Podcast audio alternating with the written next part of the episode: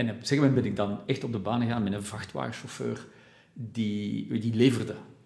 En op dat moment is er van, wow, dat is interessant. Dat moest ik weten als algemeen directeur. Niet mijn financiële cijfers en, en al de rest, daar kon ik misschien wel mijn volgende kwartaal mee halen, maar daar kon ik niet mijn dienstverlening mee verbeteren. Dus ga voldoende buiten, ehm, maar ga ook voldoende spreken met iedereen in een bedrijf. Uh, zorg dat je een connectie bent met de mensen van de warehouse. Uh, dat je een connectie hebt. Gewoon een connectie. Hè. Dat hoeft niet dat je... Je kunt niet heel het bedrijf constant rondwandelen, maar... Welkom bij Alignment Factory, de podcast van Factory 21. Hier krijg je inzichten en tips om je marketing- en sales teams beter op elkaar af te stemmen. Eén centrale gast, drie stellingen over de mindset, processen en technologie achter marketing en sales alignment. Let's go!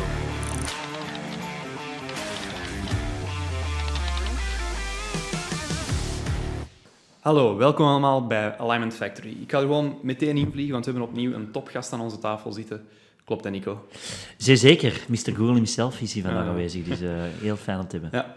Ja. Uh, vorige keer hadden we Karel Gillis te gast, een, een, echt, een echte guru eigenlijk in, in, user experience, customer centricity op uw website. We hebben eigenlijk heel veel inzichten geleerd over hoe ja. dat je uw, uw klanten, uw gebruikers van uw website kunt gebruiken om alles te optimaliseren en over hoe dat je verandering teweeg kunt brengen in, in mastodonten van organisaties. En over mastodonten van organisaties gesproken. Ook vandaag zit er iemand bij ons aan de tafel die uh, voor een bedrijf werkt dat over heel de wereld actief is. Ondertussen auteur van, van twee toch wel schoon boeken, waaronder deze digitalis. Uh, keynote-spreker, country director van Google België, Thierry Geert. Ja, Goedemorgen. Dag Thierry. Goeie, ja. Hoe gaat het leven? Prima. Spannende tijden, hè? Mm -hmm. Nee, het is uh, het moment waar dat we uh, met de vorige corona hebben de digitalisering versneld. En nu versnellen we hopelijk de energietransitie. Uh, spijtig mm. genoeg hebben we crisissen nodig om te bewegen, blijkbaar. Ja. En daar kunnen we het over hebben. Ja, ja. Op zich, crisissen zijn daar toch ergens goed voor. um, Thierry, we beginnen elke aflevering met een icebreaker voordat we in de, in de drie stellingen duiken van, van, van de podcast. Um, eerst ga, ik eigenlijk heel, heel simpel houden. Ik zag recent uh, een post van u passeren op LinkedIn dat je zei van we zijn de 50.000 exemplaren van Digitalis slash Homo Digitalis uh, voorbij gegaan. Hoe ziet de toekomst van die reeks eruit? Daar ben ik wel benieuwd naar. Ja. um, wel, geen, uh, geen bepaalde plannen. Hè. Mijn, uh, mijn grootste ambitie is nog altijd om uh, de digitalisering te versnellen in België. Uh, niet voor de digitalisering uit search. Het is gewoon om te zeggen, maar we moeten bijblijven met de wereld van vandaag. En we zijn altijd een innoverend land geweest, dus er is geen enkele reden dat we niet digitaliseren. En zorgen dat we ook um, Jan en Anneman daarmee betrekken. dat er niemand blijft langs de, langs de kant zitten. Uh, en ook dat we iedereen uitleggen wat de effecten zijn van digitalisering, want anders krijg je mensen die bang zijn van de verandering. En die stemmen dan populistisch. Mm -hmm. En je ziet dat dat uh, wel eens gebeurt in landen waar je het niet van zou verwachten. Uh, het komt heel dichtbij in Frankrijk of in Nederland. Um, en dat, dat, is natuurlijk heel gevaarlijk. Populisme is bijzonder gevaarlijk voor de maatschappij, voor de burger. Uh, en um, digitalisering is daar niet de fout van, maar ja, wel de snelheid waarmee dat de digitalisering gebeurt en het gebrek aan uitleg, waardoor dat de mensen gewoon bang zijn van wat er gebeurt en dan toch maar populistisch gaan stemmen. En dan eigenlijk alles omvergooien. Um, en dus we hebben denk ik allemaal een uh, verplichting om uh, ten eerste onze business goed te laten draaien daar gebruiken we digitale technieken voor, mm -hmm. of in ieder geval de moderne technologie voor. Maar ook parallel als ondernemer ja, iets te doen voor de maatschappij, zoals dat heet. En dat is niet enkel groen zijn, dat is ook um, mensen meenemen in deze transitie, zodat, het, zodat ze begrijpen dat het eigenlijk een goede zaak is. Mm -hmm. En als je daarover nadenkt, en dat is wat ik neergeschreven heb in mijn twee boeken, we zijn er veel beter voor dan 10, 20, 30 jaar geleden. Maar de perceptie is dat het moeilijker is, uh, dat er problemen zijn. En natuurlijk, ja, de oorlog van Oekraïne, daar zet ik even uh, op de zijkant, dat heeft daar niets mee te maken. Um, maar over het algemeen hebben we het beter, uh, draaien onze bedrijven beter, hebben we meer mensen aan het werk dan ooit tevoren. En daar moeten we naar kijken. En op basis daarvan moeten we proberen het nog beter te gaan maken en mm -hmm. de, de, transitie te gaan doen. Ja. Mm -hmm. ja. Um, je spreekt over dat populisme. Is, is, dat, iets, is dat een hot topic uh, binnen Google om daar een rol in te spelen? Om te zeggen van hoe, hoe kunnen we vanuit Google, omdat we daar toch heel, heel wat, wat um, technologieën hebben die dat waar dat op zou kunnen uh, uitrollen? Is dat iets zegt, dat is een programma binnen ons bedrijf om, om dat tegen te gaan of om hier, manier uh, dat toch... Een, een, het is voornamelijk een persoonlijke passie of angst. Okay. Dus, zoals je het ziet. Uh, mm. um, maar Google is wel een, een, een bedrijf dat gelooft in um, informatie beschikbaar mm -hmm. maken, nuttig maken voor iedereen. En eigenlijk heel, wat een heel democratisch systeem is. Uh, namelijk, je kunt aan iedereen gratis een product geven die het kunt gaan gebruiken. Het wordt gefund door advertising. Dat zijn degenen die iets willen kopen, die dan het systeem betalen. Maar al diegenen die niets kopen en niet op een advertentie klikken, kunnen dan toch Google Maps gebruiken, Translate, uh, producten vinden, waarmee dat we denken dat we een meer inclusieve en democratische maatschappij stimuleren. Uh, dus eigenlijk is Google fundamenteel democratisch, maar is niet anti-nazisme of zoiets in die stijl. Nee, nee, nee. Maar ja, in zijn aard is het wel het totale tegenovergestelde. En ik heb dan die, die mooiheid van Google in dat principe beter leren kennen in tien jaar bij Google.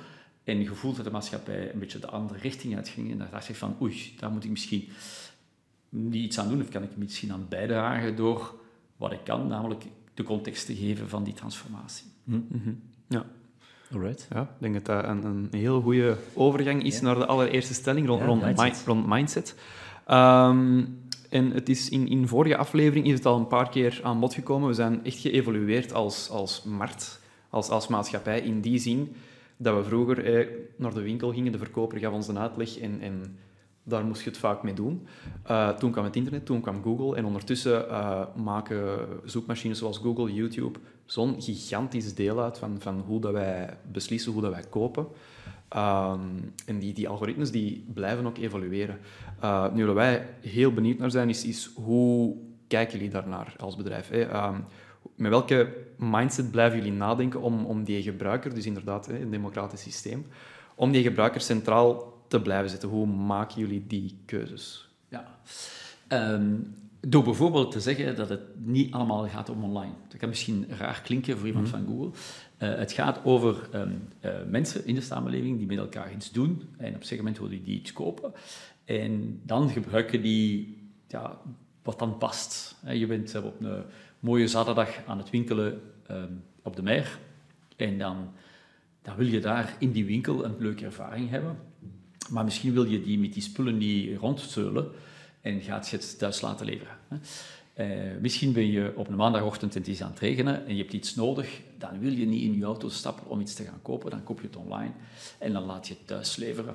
Uh, dus wij, wij, gaan het stimuleren om betere keuzes te gaan maken, maar wat men noemt omnikanaal, dat is, uh, dat is niet zo interessant, of, of kanaal-agnostiek. Ik ga ervan uit dat we een normaal leven doen en we gebruiken digitale tools op het moment dat het ons uitkomt om het te vergemakkelijken, om het mm -hmm. beter te gaan maken. En natuurlijk is het eenvoudig om digitale tools te hebben om beslissingen te nemen, zodat je kunt in de winkel gaan, iets leuks zien en dan toch de prijs controleren door te zeggen van kijk, ja, is misschien aan een andere prijs uh, te koop online en dan gaat je misschien online beslissen. Mm -hmm. Of andersom, dat je zegt van kijk, ja, ik ben aan het shoppen online, ik zie een aantal dingen op YouTube, leuke films, wil het eigenlijk graag kopen, ik zoek de prijs op um, en dat is interessant. Maar misschien wil ik het toch eens testen of vastnemen mm -hmm. of er met een, met een verkoper over praten. Bijvoorbeeld ja. een wasmachine, de, al die uitleg online kan soms verwarrend zijn. En die combinatie moet heel vlot gaan. En dus voor dat bedrijf die dan een wasmachine verkoopt, is het belangrijk dat hij inziet dat die consument nu een digitale consument is. Ik noem hem homo digitalis, namelijk een echte mens met digitale tools. Mm -hmm. um, en als hij dan in de winkel komt, heeft hij al informatie voordat hij in de winkel komt. Uh, en daar moet je rekening mee houden. Mm -hmm. Dus je moet anders gaan met homo digitalis dan met de vorige homo sapiens. En als bedrijf moet je dat zo bekijken. Je moet niet kijken naar technologie, je moet kijken naar je nieuwe consument. En dat is een homo digitalis geworden. En die moet je op een totaal andere manier gaan behandelen. Uh, mm -hmm. Maar dat is boeiend ook als marketeer, omdat je geweldige dingen kunt doen. Als marketeer, twintig jaar geleden, had ik maar kunnen dromen van dergelijke tools te hebben om mijn product aan de man te brengen. Ja, ja we, we zeggen dat hier ook vaak. Hè. Je, had, je had uh, 15 jaar geleden hadden de, konden tot, tot een awareness-fase gaan en interesse voor een product creëren, maar nu kunnen we bijna tot in, dat, tot in het einde gaan, tot in dat laatste, de laatste overweging, dat beslissingsproces, kunnen een rol spelen als marketeer vandaag, met alle tools die er vandaag zijn en de manier waarop vandaag consumenten mm -hmm. informatie opzoeken. En je weet wie je klant is, ja. waar je ook nadien ja. kunt uh, zorgen dat hij tevreden is, uh, um, een mailtje sturen, bedanken. En vroeger kocht iemand iets in de winkel en dat was het. Je had die wasmachine gekocht en Miele wist niet wie die wasmachine had gekocht. Zelfs Kreffel wist niet Ja. wie dat die wasmachine Hoe dat, dat profiel eruit zag. eh, wat- En nu kun je dat wel gaan doen, als je dat op de juiste manier doet, met respect voor privacy en waar de consument iets aan heeft. Waardoor dat een klant eigenlijk in plaats van een eenmalige klant is die je niet kent, wordt dat een lifelong customer. En dat is veel interessanter. Eh, eh, Ik vind het interessant om dat in te pikken op dat digitale stuk, want ik, eh, ik had vorige week nog eens even bekeken hoeveel eh, applicaties er ondertussen vanuit Google zijn. Ik had er 60 geteld, 60 toepassingen om die homo digitalis te voeden. Ehm, eh, zijn er vandaag, want ik vind het interessant, hoe kruipt in die mindset van die homo digitalis? Hoe, hoe zie je van, oké, welke toepassingen zouden we vanuit Google nog kunnen faciliteren om de, de persoon aan zich ehm, beter, nog betere tools te geven om zijn beslissingen te maken in zijn dagelijks leven. Zijn er vandaag bij jullie zo eh, vaste wegen om eh, vanuit bepaald marktonderzoek of vanuit bepaalde inzichten met klanten om ons producten te ontwikkelen? Of hoe gebeurt dat? Heel weinig met marktonderzoek, heel Ah, veel met het observeren wat er, wat er gebeurt. Je, je- je- je klant geeft enorm veel signalen en die kun je meten en daar kun je iets mee gaan doen. Er zijn twee eh, dingen waar we voor het ogenblik in investeren, Mhm. eh, is voornamelijk artificiële intelligentie. Hè, hoe kun je met artificiële intelligentie zorgen dat die interactie vlotter gebeurt? Eh, je wilt iets zoeken op Google, dat is eigenlijk, of dat was eigenlijk niet zo handig. Je moet je smartphone nemen, letter per letter intikken wat je zoekt. En dan moet je het antwoord lezen en dan op klikken. Ah, dat is altijd niet zo nuttig. Hè. Met AI kun je spreken. Kun je zeggen, oké Google, wat is het adres van factor 21? En dan krijg ik het adres. Dat is al beter. Eh, maar de volgende stap is ambient computing. Namelijk in plaats van alles op jouw smartphone te doen, connecteren we alle toestellen rondom u, een wagen bijvoorbeeld, of een horloge, of een frigo. En, en dan spreek je tegen het ding en dan doet het ding wat het moet doen, in plaats van altijd die smartphone te moeten nemen. Dus je stapt in je auto en je zegt tegen je auto, ga naar mijn volgende afspraak. Artificiële intelligentie begrijpt wat je zegt. Ga zoek dat op internet, eh, op uw, in uw agenda, dat je een afspraak hebt met factor 21. Zoek het adres online, opent wees en geeft u instructies om te rijden. Ja, je hebt je smartphone niet vastgenomen. Je hebt niet je smartphone moeten vastmaken met een spul van 5 euro van de kolruit naast je stuurwiel. En voornamelijk, die auto gaat gewoon vertellen waar je moet rijden. En niet een smartphone die ondertussen ook WhatsApp-berichten toont en andere dingen die bijzonder gevaarlijk zijn als je rijdt. Maar dus dat moet je inbeelden als bedrijf met alles. Dat wil zeggen dat, dat in een winkel de mensen bijvoorbeeld een vraag zullen kunnen stellen aan een of andere virtuele assistent, dat onze smartphone niet altijd uit zijn, uit zijn zak kan halen. Of de fabrikant van eh, frigo's, dat die moet kunnen zeggen van, als iemand vraagt van, wat kan ik koken vandaag met alle ingrediënten die vanavond vervallen, dan moet die frigo daar het antwoord voor op hebben. En, en dat is, niet, dat is geen toekomstmuziek wat ik nu zeg. Zo'n frigo kunnen we nu bouwen en, en kunnen verkopen. En dat voor alle sectoren. En dat is misschien makkelijker in te beelden voor een frigo dan voor bijvoorbeeld een containerbedrijf. Maar dat kan ook. Die containers kunnen allemaal connecteren met internet, ambient computing, alles connecteren met internet. Dat wil zeggen dat in plaats van op papier te weten waar dat die container is, weet je perfect waar dat die container is. En heb je eigenlijk een virtuele kopie van heel je logistiek apparaat.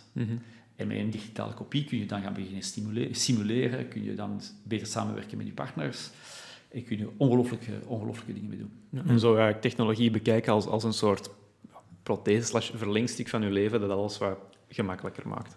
Ja, ik denk dat we daar vandaag al, al redelijk goed in slagen, maar inderdaad, hetgeen wat jij nu vertelt, dat is, dat is toekomstmuziek. Hè. Eh, er zijn al heel veel bedrijven mee bezig. Ehm, Er zitten denk ik nog wat kinken in de kabel hier en daar. Eh, ook omdat er inderdaad die angst is om te veranderen. Allee, ja, wij merken dat al als wij sales- en marketingteams op één lijn willen zitten laten staan. Als je gaat zeggen, de manier waarop dat je leeft, gaan we drastisch veranderen. Ja. Tussen sales en marketing is natuurlijk, eh, en je hebt het net gezegd, hè, de, de, de, vroeger was er sales en was marketing. Vandaag doe de marketing en, en volg je die klik en die gaat tot aan de verkoop. En dus is geen, er is eigenlijk geen verschil meer tussen de twee. Nee. En, en dus dat moet ook fuseren. En dus de, dat dwingt ons om samen te werken. Je, je kunt het niet anders mee gaan doen. Mhm. Ja, in sommige bedrijven, allee, sowieso de machtsverhoudingen van, tussen sales en marketing, maar ook tussen het bedrijf en de klant, die zijn gewoon compleet door elkaar gehaald. Compleet door elkaar Ja, gehaald. voilà. En, en zelfs op zo'n manier dat ja, sales in sommige gevallen een bijrol spelen. Hè. Ehm, en en hè, dat is, ik denk dat dat de tweede aflevering was waar dat we zeiden van, van zeker sales is, heeft nood aan een, een herdefiniëring. Ehm, om, omdat er juist een zekere aversie is naar die verkopers toe. Ehm, en ik denk dat, dat be- bedrijven zoals Google eh, daar, daar juist een hele grote rol in spelen. Dat, dat sales niet moet denken van ja, Google pakt mijn werk af, maar eerder van ja, hoe kan ik die, die middelen gebruiken inderdaad om die homo digitalis te gaan, te gaan faciliteren in wat hem doet. Ik weet niet als je nou eens in een winkelstraat bent geweest, maar eh, ze vinden geen verkopers meer. Hè? Dus ze zoeken verkopers overal. Ja. Dus die, die, die rol van sales is niet verdwenen. Nee, helemaal niet. Ehm, maar is zelfs he- meer inhoudelijk ingevuld, denk ik. Want je komt eigenlijk voor een klant die veel geïnformeerder is. Dus Ja. ook voor een verkoper is dat veel, eh, veel interessanter ook. Je moet eigenlijk niet de basisdingen uitleggen, want dat weten die al. Dus het is eigenlijk eerder van... Ik, ben, ik, ik zal u met mijn expertise proberen om nog die, die extra juiste informatie mee te geven, om die juiste keuze te maken die voor u perfect is. Ja, en dus een, een verkoper bij Blokker, daar hebben ze niet meer nodig, want Nee. Blokker is ondertussen verdwenen, want dat was een saaie winkel die is blijven steken in de jaren stilletjes. Ja. In een, in een elektrowinkel vandaag zijn die verkopers meer opgeleid dan ooit en weten exact dat, dat mensen inderdaad online dingen kunnen gaan doen en gebruiken die digitale tools om hun klant beter te assisteren. Veel boeiender dan de job geworden. Ja. ik heb dat gemerkt. Bijvoorbeeld, dat was mijn, mijn elektroketen, waar ik dan eh, tien jaar niet was binnen geweest. En dan eh, kwam ik daar nu binnen en dan zag ik dat ze dus per afdeling experten hadden. Dus experten die alleen maar met televisie bezig waren, experten die alleen maar met witgoed bezig waren of zoiets. Waar dat dat ervoor misschien, iedereen deed alles... eh, maar ze merkte, ja, die, die mensen zijn meer geïnformeerd en we gaan experten creëren per... En dat vind ik interessant. En dan maakt de job voor die mensen ook veel In interessanter. een, in een decathlon zitten de mensen Ja. in die afdeling, zijn het sporters. Dat is- dat is een mooi voorbeeld. die, eh, Ja. in de, in de, in de paardafdeling is, is de ruiter. Ja. Die daar is, en niet zomaar iemand die verkocht wordt. En dat maakt een enorm verschil natuurlijk. Ja, dat geeft die beleving in die winkel ook heel anders. Ja, maar, maar zelfs, zelfs in supermarkten. Hè. In, in de Colruyt waar ik woon, daar kun je letterlijk op de knop gaan drukken bij de wijn. En, en dan komt er iemand langs die Ja. u meer kan vertellen over de wijn dat ze aanbieden. Ja. En dat is, dat is gewoon een, een winkelmedewerker. Dat is geen sommelier of zo. Dat, Allee, ja, dat is gewoon iemand... met veel dat- affiniteit dat- voor. Ja, Ja. voilà. En, en dat, is, dat is denk ik wel, wel een heel nuttige. Kijk, in de supermarkt waren we een beetje de notie van klant vergeten. Hè. Mhm. Eh, de, de supermarkt is, een, eh, is eigenlijk een machine om op een heel efficiënte manier producten te verplaatsen. Want dat komt erop neer. Eh, want als je in een normale supermarkt komt en je komt naar een rayon van de shampoos bijvoorbeeld, dan staan daar 200 shampoos.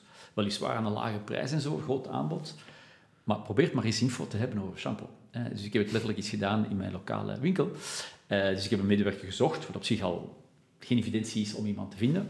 En dan aan die medewerker gevraagd van, welke shampoo moet ik nu kopen?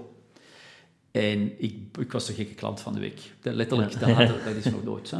Dus die mensen die worden in een industrieel proces, zijn, worden die ingezet om de rekken te vullen. Dat is wat ze doen. En de, de vrouw aan de kassa, of de meneer aan de kassa, die wordt, die wordt ingezet om af te rekenen. En dat is zoals in een machine, een industrie. En je, als klant zit een soort product en je gaat door die, dat industrieel proces en die rekken zijn gevuld en op een gegeven moment komt dan naar de kassa en men wordt afgerekend. Maar niemand beschouwt u als een klant. Die medewerker kan u heel, niet helpen over het shampoo. En aan de kassa worden niet altijd zo vriendelijk behandeld. En ze hebben zelfs trouwens een moordwapen voor eh, bedacht, namelijk de scanningmachine. Hè. Dus eh, die medewerker aan de kassa kan sneller scannen dan je kunt inpakken. Hè. En dan word je buiten gebonjourd. Maar niet van, ah, meneer de klant, eh, hebt u uw shampoo goed gevonden? Uh, kun u volgende keer helpen? Ik zal u helpen om in te pakken of zo, van die dingen, dat is er niet bij. En, en dus dat is dan nu de, de digitale revolutie. Namelijk als je online gaat, eh, krijg je betere persoonlijke service. Je, je opent een, een pagina van een webshop en die gaat zich aanpassen aan uw noden. Die gaat uw taal spreken. Eh, als je shampoos koopt, dan gaat hij je shampoos aanbieden. En met heel veel informatie over shampoos. En dan weet ik dat ik zilver shampoo zou moeten kopen, want op mijn leeftijd eh, blijkt dat, dat terug glans te geven aan mijn haar. Ik zie het. Ehm, ik weet niet of dat, dat waar is, maar in ieder geval, dat is, eh, dat is de uitleg dat ik had moeten krijgen van die medewerker aan de, in de supermarkt. En dan zeg ik van, ja, maar dat gaat niet allemaal online gebeuren, maar offline moet diezelfde ervaring dan terugkomen. Ik wil wel een advies krijgen aan de shampoo-afdeling. En ik wil eh, wel goed behandeld worden aan de kassa. Ehm, en, en als klant beschouwd worden. Of anders is dan de laagste prijs en dan kijk ik het gewoon online geleverd. Ja, ik denk, denk eh, wat ik heel graag doe is, eh, ja, ik ben, ben er echt klassieke man in. Ik ga naar de winkel, ik wil niks vragen. Ehm, ik pak gewoon zo'n handscanner om uiteindelijk uit te checken. Maar die scanners, die hun, die hun main functie is scannen en afrekenen. Als je die kunt gebruiken om, om eigenlijk de, de dienstverlening uit te breiden, om u te helpen met je shampoo-probleem, ja. dat is geweldig. Hè? Ja, want het uh, bewijs dat de supermarktketens er toch niks van begeven hebben. Um, dus uh, je hebt waarschijnlijk een, een pluskaart of een Carrefour-kaart of een reiskaart. Maar toch, dus je zit klant en je scant je kaart en nadien vragen ze je om een andere kaart boven te halen om te betalen. Ja? Waar als je in een Uber stapt, stap je in een Uber, je wordt afgezet en dat wordt gewoon afgerekend. Mm -hmm. Dus als ik klant word bij een van die ketens en ik ben klant en ik zeg dat ik die klant ben, dan wil ik dat dat automatisch wordt afgerekend. Want ja, ik heb dat gekocht. Ik wil niet nog eens een andere kaart bovenaan, nog eens mijn paswoord ingeven. Mm -hmm. Online heb je dat niet en offline je dat wel. En nogthans, mm -hmm. je wel een soort klantenkaart. Maar die klantenkaart moet dan doen wat een digitale tools vandaag kunnen doen.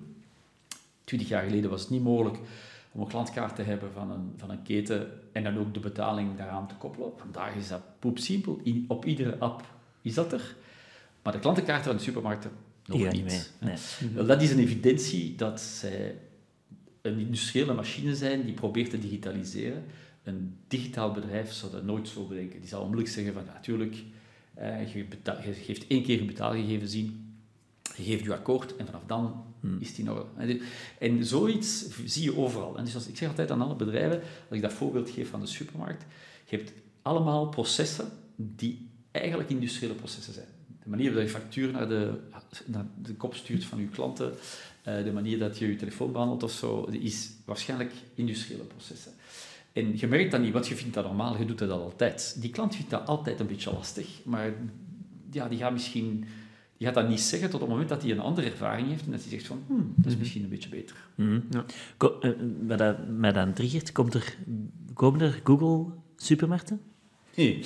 um, hey, omdat, want ja. eigenlijk, allee, ik denk dat daar, dat, dat een heel... Dat is, ik zie daar wel een heel interessante case. Als je zegt ja. van wij, hè, wij proberen mensen digitaal volledig te informeren. Je, kunt die, je zou die ervaring volledig kunnen doortrekken naar het offline verhaal. Um, dat is natuurlijk een heel ander... Een heel nee, nee, maar dat is niet ons missie. Ons missie ja. is het tegenovergestelde. Onze missie is in contact zijn tussen consument-gebruiker uh -huh. en bedrijven. Uh, dus wat wij doen, is het tegenovergestelde van, van grote online shoppers, is wij brengen gebruikers in contact met een of, een, of een online shops. Ja. Uh, dus wij werken samen met Mediamarkt, met Krefel, met, met al die uh, supermarktketens. Um, en dus we hebben wel een Google Shopping, dus je kunt naar een product ja. kiezen, maar dan zie je de webshops van anderen. Ja. En dat is wat wij doen. Het faciliteren. Um, en dat, dat is denk ik wat ons zo verschillend maken, is wij ontwikkelen de business met KMO's en met bedrijven. Wij, wij nemen het niet af om het dan op een ander mm -hmm. platform te gaan brengen. Wij, wij werken mm -hmm. samen met al die bedrijven. Ja. Uh, en, en, dankzij het feit dat we een heel goed contact hebben met de gebruiker door die fantastische apps, werken heel veel bedrijven met ons samen. Um, maar als een soort facilitator van uw business, dankzij ja. ons, heeft ieder KMO in Vlaanderen toegang tot een miljard klanten. Mm -hmm. Als je pralines verkoopt, dan kun je op, je gaat pralines verkopen in Japan, want op het moment dat een Japanner naar pralines zoekt, dan kun je daar zeggen van, hé, hey, ik verkoop pralines en ik zal het u, u sturen. Dus ik denk dat we een business facilitator zijn en dus het tegenovergestelde dan onze eigen webshop te gaan bouwen. Ja. Dat is ja. echt het laatste wat we willen doen. Ja, een, een wereldwijde bruggenbouwer dus. Uh, we gaan hier deze stelling afronden. We gaan over naar de stelling rond processen. Google is een gigantische organisatie, wereldwijd actief. Uh, wat dat wij zien bij bedrijven waar dat wij mee samenwerken, is hè, je komt op een punt dat je processen gaat inbouwen. Hè. Processen om sales- en marketingteams dichter bij elkaar te brengen. Uh, nu natuurlijk is dat op een veel kleinere schaal dan dat jullie dat doen. Um, hoe gaan jullie om met processen? Hoe richten jullie dat in? En, en hoe zorgen jullie ervoor dat iedereen daar hetzelfde over denkt? Ja, een coherente beleving. Ja, en dat dat ja. correct wordt uitgevoerd. Ja. Maar die ken Google als, als zeer, uh, allez, wat, wat ik er toch van zie, zeer open en, en, en uh, uh, ja, een zeer vrije mindset over, als het gaat ja. over dingen innoveren, dingen ja. mee, mee experimenteren. Ik denk zelfs dat ik ooit heb gelezen dat jullie één dag, sorry, één dag per week uh, vrij krijgen om aan een project te werken, of sommige ja. mensen toch. Dus ja. er is heel veel vrijheid, maar uiteraard, processen zijn essentieel om coherent te blijven wereldwijd. Ja. Dus het is wel interessant om daar eens inzicht in te krijgen. Nummer één, dat is de golden rule, we kijken altijd naar de gebruiker. Ja. We kijken niet naar de omzet, we kijken niet naar die zinnen, maar we kijken naar de gebruiker. Dus het moet beter zijn voor de gebruikservaring. En dat vermijdt enorm veel management bullshit. Hè? Want dan als je begint te zeggen van ja, we gaan het of gaan het zo doen, en kijken we, kijk ja, als je je smartphone vastneemt en dat moet gebeuren, is dat een betere ervaring of niet een betere ervaring? En dan is het... En als we er niet akkoord over zijn, dan gaan we A-B-testing doen. Uh, of zelfs meer. Uh, mm -hmm. En dan, uh, dan kun je echt meten van, kijk, dat is een beter resultaat voor de gebruiker of niet. En mm -hmm. dan implementeer je de juiste processen. En door het feit dat je het juiste doet voor je klant, maak je misschien minder winst op beslissing A, maar maak je wel de beste beslissing voor de lange termijn en, en het einde. En dat is ook een echte manier om, om discussies uh, tussen verschillende afdelingen uit te halen. Nummer twee is enorm van samenwerken. Uh, wij zijn geen hiërarchisch bedrijf. Wij zijn een soort netwerkorganisatie. Ik ben wel de baas van Google België, maar dat is nu, ik ben letterlijk minst de baas van mijn hele carrière. Hè. Ja. Um, want wat, ik, wat, we doen, is mensen connecteren in functie wat we nodig hebben. Dus je moet dat niet denken, we zijn meer zoals een soort internet. Dus we hebben 160.000 mensen die werken voor Google, dat zijn 160.000 punten. En we verbinden die in functie van een proces of een idee. En dan gaan die een aantal dingen gaan samen doen. En die moeten de toestemming niet vragen aan hun baas om mee te werken op een project of zo. Wat dat wel is in de meeste organisaties. Ja, ja inderdaad. Nu, om dat te kunnen realiseren dat het goed werkt, moet je een goede cultuur opzetten. Dat kun je niet zomaar opzetten van scratch. Om te zeggen van, van vandaag op morgen gaat je het leger organiseren als Google, dan, dan loopt het een beetje mis. Hè. Mm -hmm. je moet echt gaan zorgen dat mensen een juiste mindset hebben. Georiënteerd naar de, de klant, goed de, de, de missie van het bedrijf kennen en dat principe van we gaan efficiënt samenwerken. We gaan mm -hmm. niet samenwerken omdat we moeten samenwerken. Zo van, ah, we zijn Google, dus we moeten alles samen doen. Nee, nee, nee, nee. Wat is nuttig om samen te doen? Misschien tien dingen die we samen kunnen gaan doen. We gaan maar één van die tien doen, want die, dat, dat ene zal maken dat onze klantervaring beter zal zijn.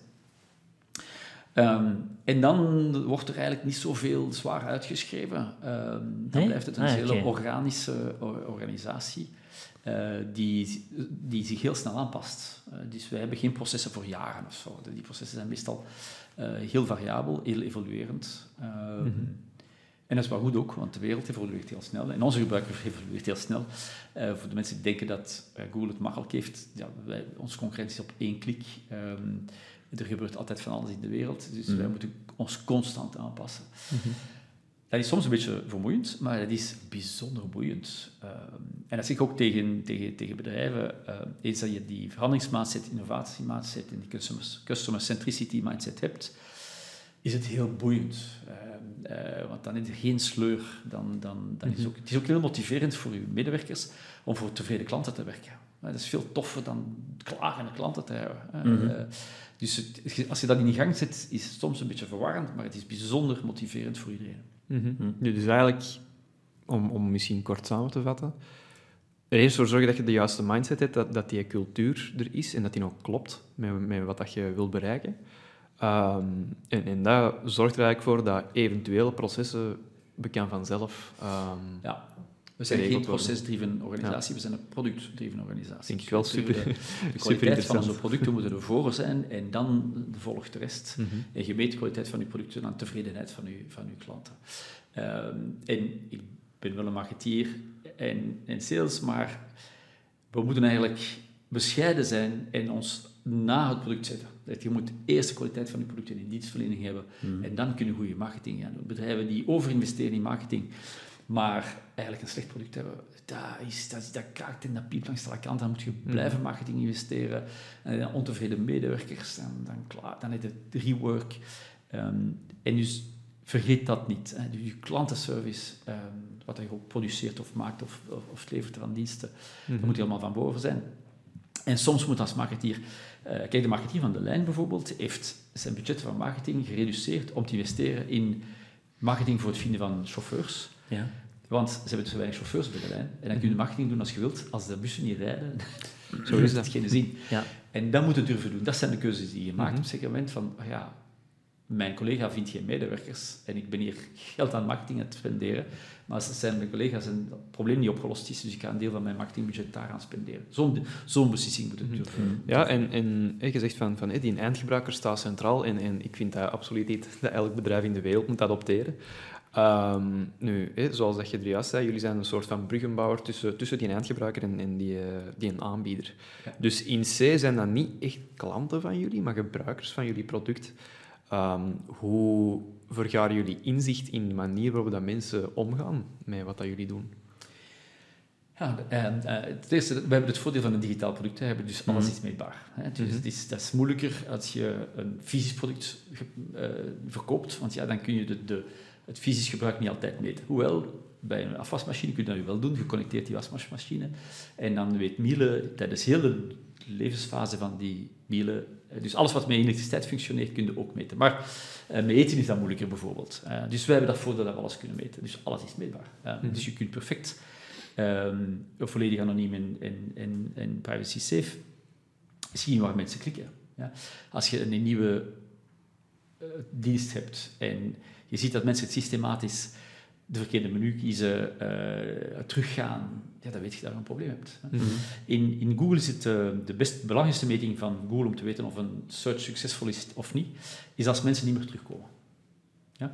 Je zoekt iets en 30 seconden geklikt op, op iets, op een, op een link, en tw- 20 seconden later staat er daar terug. Dat wil zeggen dat je niet de juiste oplossing hebt gevonden. Ja. Ja? Ja. Dus dat is een heel evidente om te zeggen van kijk, de bounce rate, hè, eh, als, die, als je onmiddellijk terugkomt, dan was het een slechte search. En dan zeggen wij, oeh, we hebben een slechte search gedaan, maar dan zeggen we ook van, hmm, die site is misschien niet zo goed. Hè. En daarmee kan je kwaliteitsranking naar beneden gaan. Dus je moet zorgen voor je website dat als er een bezoeker aankomt, dat hij vindt wat hij moet vinden voor die gebruiker, uw klant. maar, maar ook om goed te staan bij Google, want Google gaat dat weten. En als systematisch mensen niet vinden wat ze willen hebben op uw site en naar anders gaan, dan ja, we zeggen we, ja, dat is waarschijnlijk een minder goede site. Mhm. Ja, want... ehm eh, wat ging ik zeggen?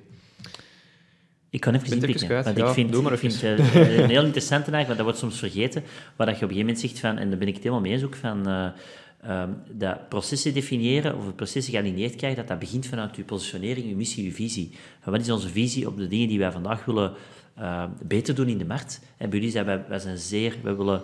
wij willen het beste product elke dag hebben en elke dag beter maken. En dan elk proces dat je definieert is veel gemakkelijker af te toetsen. Is dat het juiste proces? Ja. Maakt dan onze missie, onze visie beter? Allee, vanuit Ja. onze missie, visie het verhaal beter?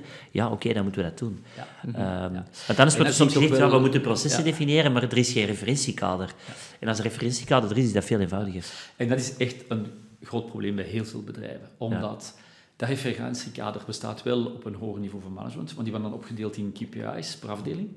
En die ene afdeling gaat dan die ene KPI achtervolgen als een obsessie, zonder zeker te zijn dat je dat linkt met de algemene ervaring. Ja. Eh, en vroeger was dat haalbaar. Eens meer in een industrieel proces kunnen we dat doen. De- die machine moet die efficiëntie halen en dat zal het wel lukken. En vandaag is dat niet meer zo. Eh, dus, eh, en als, denk ik, als marktier of als je verantwoordelijk bent van één van die silo's, dan moet je dat misschien doen, want anders haal je je objectieven niet. Maar je moet daar heel over communiceren. Om te zeggen, meneer mijn manager, ik heb hier mijn KPI gehaald, maar volgens mij moeten we dringend een betere alignering van de KPI's. Klopt. Want ik meet dat de klant daarmee minder tevreden wordt. En dan denk ik dat er goede, goede conversaties eh Ja, ontstaan. gemeenschappelijke doelstelling is eigenlijk een van de belangrijkste dingen dat je moet hebben om Ja. juist teams Ja, we zijn er zelf... samenwerken. Ja, ja, dat is waar, want we zijn er zelf nu mee aan het experimenteren. We zien dat in, in de US zie je dat al heel veel gebeuren, dat, dat ze over revenue teams spreken bijvoorbeeld, waar eigenlijk sales, marketing, customer success samenkomen en dat eigenlijk de sales, marketing meetings, customer success meetings worden geschrapt. eh, en dat gewoon één revenue meeting wordt, waar iedereen zijn contributie heeft in die meeting en ook vooral in, de, in het resultaat. Eh, en ik vind dat wel een interessant concept, want dan zit je, dan zit je helemaal gealineerd bezig. Ja, vooral Qua doelstellingen, maar ook qua samenwerking. Ja, voilà, vooral omdat marketing zegt dan misschien van ja, kijk, we zijn dit aan het doen, we botsen hier wat tegen. Ja, Mhm. die twee anderen kunnen daar, ik weet niet hoeveel inzicht misschien in verschaffen. Hè. Dat, is juist de kracht van, van dat team. Ja.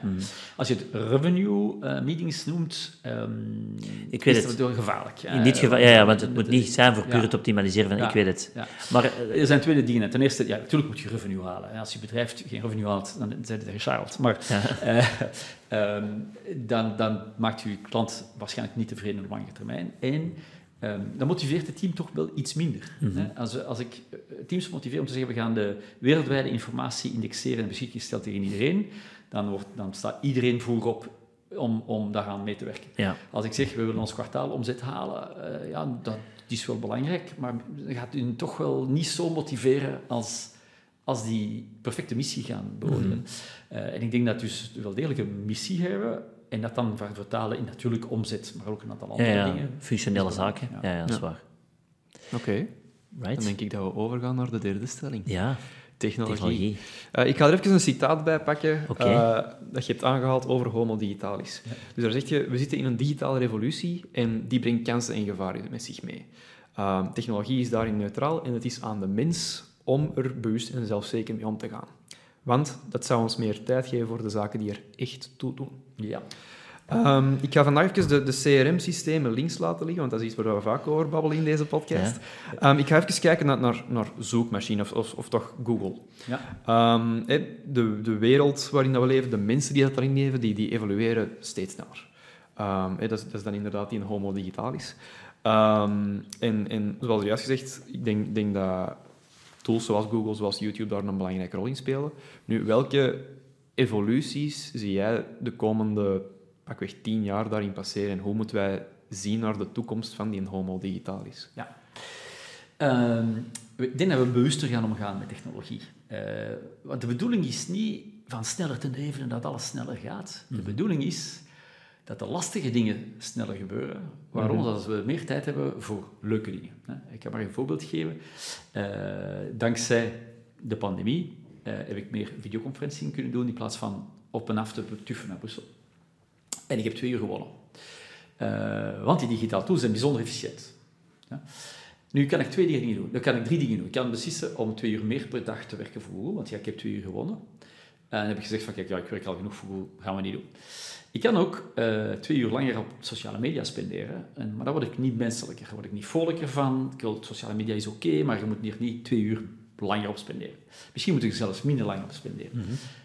Dus ik heb beslist om die twee uur tijd meer in mijn familie te steken. We hebben meer tijd aan tafel gespendeerd. Af en toe is een lekker fl- fles wijn geopend tijdens de week, wat we vroeger niet deden. Eh, Kinderen naar school gebracht en naar de kwaliteit van het leven gewerkt. We staan er niet bij stil, maar het is dankzij technologie dat we een weekend hebben.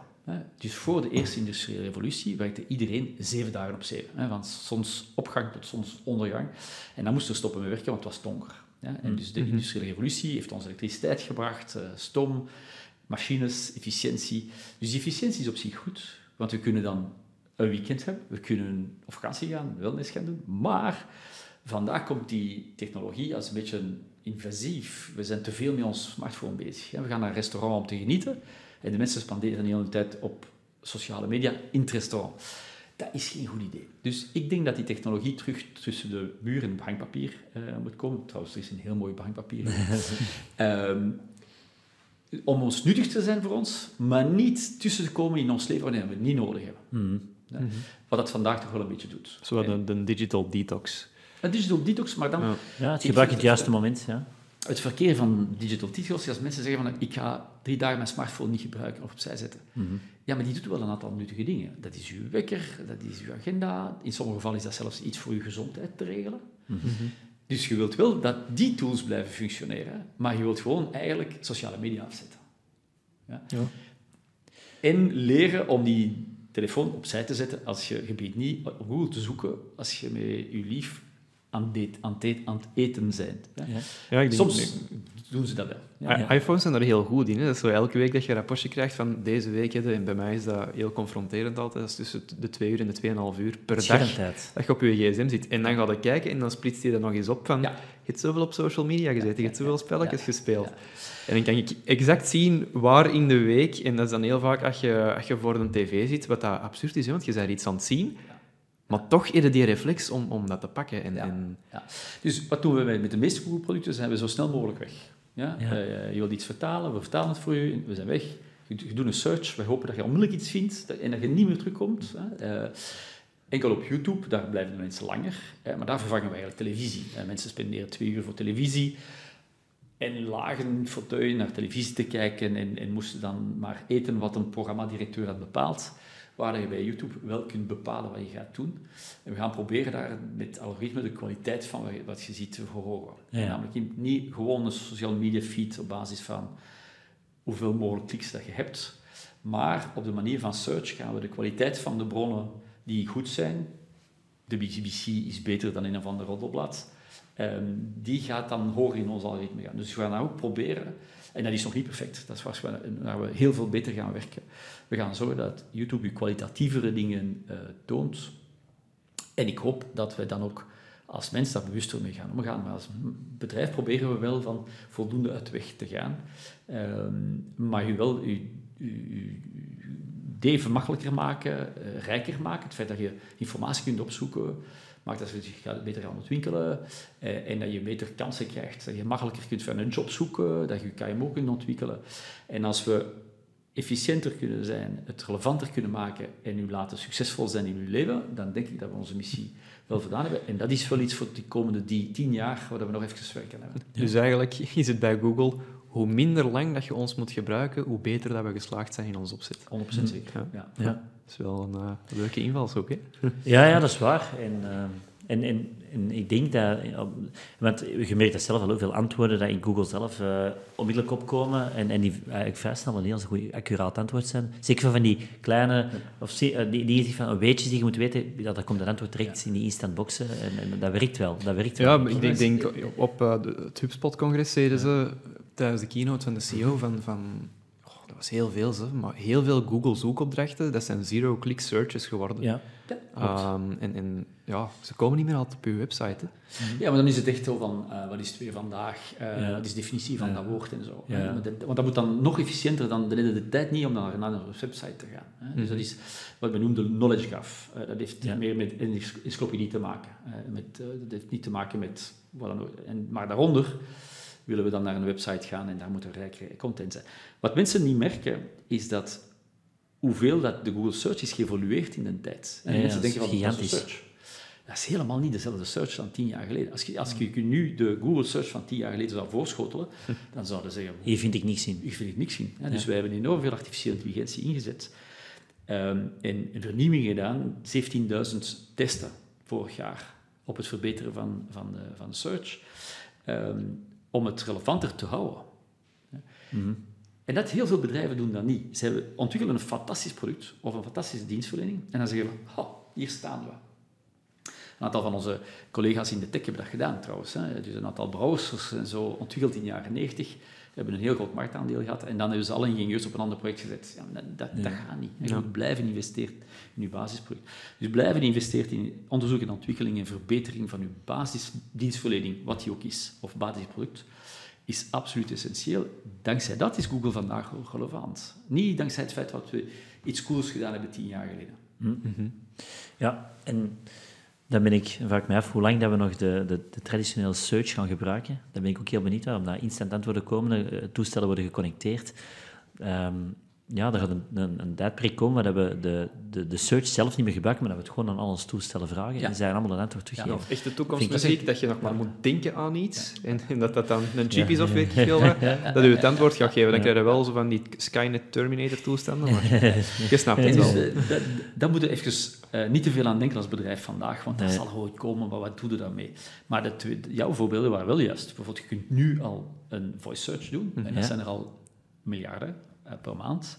En we doen nu visual search. En dus wat het meest opkomende ding is, dat nu mensen een foto maken van iets en via Google Lens opzoeken. Lens, ja. Dus je ziet dat op je smartphone, als je een goede smartphone hebt, heb je naast de Google Bar om te zoeken een micro om te vragen of een lens. En dan kun je een foto maken, want die zijn er wat. En dat is heel nuttig. Je, je, je, je bent op restaurant, je drinkt een lekker fles wijn je zegt van, oh, die zou ik graag in de kelder steken. Je maakt een foto van die... Je maakt zelfs geen foto. Je zegt aan Google, in plaats van te beschrijven een chateau van dit, je maakt gewoon een foto van het etiket, wordt opgezocht, je vindt de site, je klikt, je koopt, het. Maar dat gaat voor van alles. En dat gaat voor...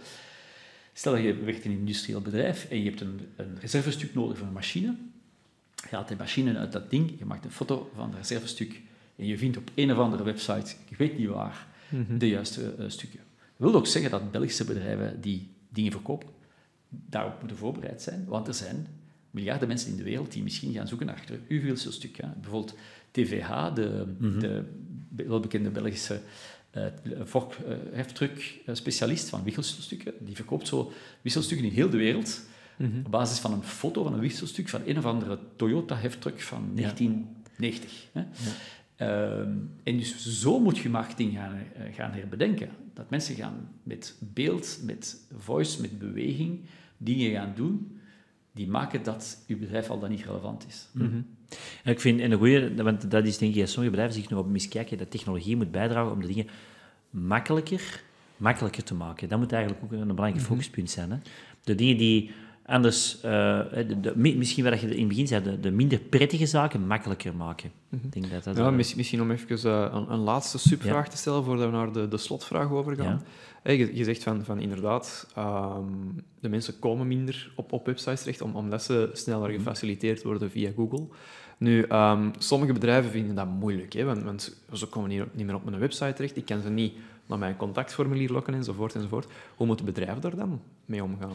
De mensen komen meer naar websites. Vergis je niet, mensen komen meer naar websites. Een aantal super eenvoudige vragen worden nu beantwoord, maar dat is Wikipedia of Ja. dat is twee. worden ook gewoon Ja. meer gezocht denk ik, dan tien jaar geleden. Zo, ik kan me dat herinneren, als ik dat vergelijk met tien jaar geleden, zo van die kleine fediver eh punten, aan tafel Ja. samen, ziet van, oh ja, wanneer, wanneer, hoe oud is die persoon nu weer? ja. Dat, zoekte, dat zocht misschien vroeger niet onmiddellijk, maar nu wel, omdat je weet dat je een, een goed antwoord hebt Ja. onmiddellijk. En dat is voornamelijk omdat we gaan naar die voice search. Als je voice search hebt van wie is Albert Heijnstein, Ja. dan wil je niet zeggen van kijk op de site van, hè, dan moet je gewoon het antwoord krijgen. Maar als je een winkel hebt en je verkoopt planten, dan komen mensen wel degelijk naar je website. Als de mensen zeggen van komen minder naar mijn website, is het teken dat je verkeerd bezig bent. Want er komen meer mensen naar websites dan ooit tevoren. Ja. Ehm, maar het- de ervaring moet dan ook daar anders zijn. Die moet meegeëvolueerd zijn met de tijd. Gewoon een reeks van planten schrijven op een website zal misschien niet relevant genoeg zijn om te zeggen van kijk, ja, weliswaar dat iemand een foto maakt van een plant. Ik zou bijvoorbeeld heel graag een plant hebben met die eh blaren dat ik tegen de muur zie. Ja, ik wil daar een foto maken van uw behangpapier en onmiddellijk die plant kunnen bestellen bij de lokale eh serist. Ja. En dat gaat prima, want Google zal ook de locatie heel sterk in rekening nemen. En zeker voor een plant. Ja, die, laten, die plant laten niet komen van de Verenigde Staten van China. En die wil van uw lokale handelaar komen. hè. Maar van welke lokale handelaar zal afhankelijk zijn van degene die de visual search van zo'n blad kan veranderen in een verkoop. Ja, komt een beetje erop neer wat, Karel Gillis vorig, vorige week zei. Ja, Ehm, ja. Inderdaad, blij- blijven proberen om, om die gebruikservaring en die klantreis zo snel mogelijk te laten doorlopen. Ja. Ehm, en, en dan komt al een heel eind. Ehm, ik zie dat we ongeveer aan, aan het einde van de aflevering zijn. Eh, Thierry, wij stellen altijd één slotvraag aan onze gast. En dat is, stel dat je een, een, eh, een Thierry Geers die daar vers afgestudeerd is, één tip mocht geven eh, om inderdaad te bereiken wat Google vandaag doet. Hè, om, om, eh, om, om die een eindgebruiker centraal te zetten, om die te helpen in alles wat hem doet. Wat zou dat zijn? Eh, wow. Ehm. Ik zou inderdaad veel minder kijken naar interne structuren. Dus als ik zeg, als, als, hoe ben ik mijn carrière begonnen? Met heel veel intern, heel veel wat gebeurt er in dat bedrijf en het bedrijf leren kennen van binnen. Ehm, maar waarschijnlijk onvoldoende gaan spreken met wie, wie is die klant. Ik ben dat beginnen doen. ehm, ik, ben, ik ben verantwoordelijk geweest van een industriële wasserij. Dus dat wil ook zeggen dat je je altijd kunt eruit vinden. Ehm, en op een gegeven moment ben ik dan echt op de baan gegaan met een vrachtwagenchauffeur die, die leverde. En op dat moment is er van, wow, wow, wow, dat is interessant. Dat moest ik weten als algemeen directeur niet. Mijn financiële cijfers en, en al de rest, daar kon ik misschien wel mijn volgende kwartaal mee halen, maar daar kon ik niet mijn dienstverlening mee verbeteren. Dus ga voldoende buiten, ehm, maar ga ook voldoende spreken met iedereen in een bedrijf. Eh, zorg dat je een connectie bent met de mensen van de warehouse. eh, dat je een connectie hebt. Gewoon een connectie. Hè. Dat hoeft niet dat je, je kunt niet heel het bedrijf constant rondwandelen, maar dus heel veel empathie. Heel veel empathie. En ik ben nogal verlegen, dat zou ik misschien niet zeggen, maar ik ben eigenlijk een verlegen jongen die zich heeft verbeterd met de tijd om te durven spreken. Ehm, maar ik zou dat veel vroeger moeten gedaan hebben. Van met iedereen in contact te zijn, te gaan luisteren, snuisteren, vragen stellen. ehm, en niet altijd vragen om onmiddellijk een antwoord te kunnen geven, eh, zoals ik nu hier doe. Maar meestal vragen om echt te luisteren. om bijkomende vragen stellen, om te begrijpen wat het proces is, om te begrijpen wat het eh, systeem in plaats van een antwoord te willen eh, doen. Dat doen we meestal. Hè. Je luistert naar iemand om sneller te kunnen antwoorden. Je luistert niet om echt te begrijpen wat het om gaat. U, Als je het bedrijf efficiënter wil krijgen, dan moet je echt leren luisteren naar klanten, leveranciers, ehm, stakeholders, wat ook zijn, en voornamelijk eh, medewerkers. Het zijn uw medewerkers die uw kwaliteit bieden. Het zijn de medewerkers die uw klanten tevreden zullen stellen. Dus ja, nummer één, aandacht aan uw medewerkers natuurlijk. Ik vind het interessant dat je dat zegt, want ik denk dat dat bij ons nummer één ook is. eh, als we het dan over sales en marketing alignment hebben, dat we zien dat het misloopt eigenlijk. Dat er heel weinig bedrijven inzicht hebben in ehm, waar dat hun klanten van wakker liggen. Waar dat- en dan ook intern, hè, maar ik, ik ga het even op de klanten spelen, omdat dat toch wel een groot punt is. Er zijn weinig marketeers die met hun klanten hebben gesproken. Eh, en als je dan sales en marketingteams tegenover elkaar zet, hebben die een totaal ander beeld of idee van een klant. Hoe dat die klant erin zit, waar dat die, waar dat, waar dat die van wakker ligt. Ehm, en ik denk dat dat heel interessant is om te zeggen van... eh, Wij zeggen dat vaak van, zo tegen marketing... Salesmensen is dat, is dat iets anders natuurlijk, maar marketingmensen, wanneer is de laatste keer dat je met een klant hebt gesproken, een half uur, en over zijn ervaring? En ik krijg heel vaak de vraag terug, eigenlijk nog nooit. Ja. Ja. Eigenlijk nog nooit. En dat is. En er is een heel mooi case. Wow. Eh, Tesla was bijna failliet op zich moment, hè. dat moeten Ja. we niet vergeten. Ehm, en, en ze, kregen, ze hadden mensen die een optie hadden genomen, maar die, die namen de wagen niet. Ehm, en Elon Musk heeft gewoon tegen iedereen gezegd, vanaf nu belt iedereen naar die klanten. Wij moeten 10.000 klanten bellen op geen tijd. Iedereen belt. De, in in finance, marketing, eh, de productie die niet aan het produceren zijn, iedereen belt. Hè. By the way, ze hebben zoveel wagens gekocht dat ze erdoor geraakt zijn. Dus dat is toch... eh, je, als bedrijf, als het echt niet goed gaat, moet je durven is iedereen inzetten. Maar het tweede voordeel is dat iedereen in zijn bedrijf had de klant aan de lijn gehad. En beseft Waar nu... Ja? Iedereen besefte ze van, oei, ehm, dat waren wel argumenten, dat was wel belangrijk. En in de meetings van het jaar erop wa- was iedereen gealigneerd, want iedereen had wel zo'n klant aan de lijn gehad. Dus Ja. heel interessant, eh, nu, dat is een, een fait divers, maar toch wel interessant gezegd van, kijk, ehm, kunnen we niet zorgen dat de, de sales finance maakt, zeker maar, allee, als, dat je finance niet belt naar de klant, dat kan ik heel begrijpen. Als je marketeer niet in contact bent met je klant, sorry, maar dat is echt een zware fout. Je, Ja. moet, je moet echt op, de, op salesvloer, op je website zijn, eh, ja. aan de klantendienst zitten. Want stel dat je allemaal alleen maar online verkoopt en je gaat niet af en toe luisteren naar je aanverkoopdienst, dan, ja, dan, dan, dan- sorry, maar je Ja. gaat het niet kunnen oplossen. Ja, je moet ik denk, daar ik denk dat dat een goede afsluiter is en een dat, we- dat we vaak blijven horen. Dat Van, is, is essentieel. gewoon. ga in gesprek met je klanten, met je stakeholders, met je medewerkers. Iedereen dat een belang heeft bij je, bij je organisatie. Thierry, ik ga je bedanken om hier vandaag aanwezig te zijn. Graag gedaan. Ik denk volgende week dat we eh, iemand te gast hebben die dat een, een ware expert is in, in technologie. Hoe dat je technologie kunt gebruiken om je processen te verbeteren, om, Ja. om je service naar je klanten te verbeteren. Kijk al serieus naar uit. Ja? Ehm, en ja, dan gaan we blijven inzoomen op die homo digitalis. Dankjewel. Tot de volgende keer. Dankjewel, Thierry. Dank u. Bye. Dag.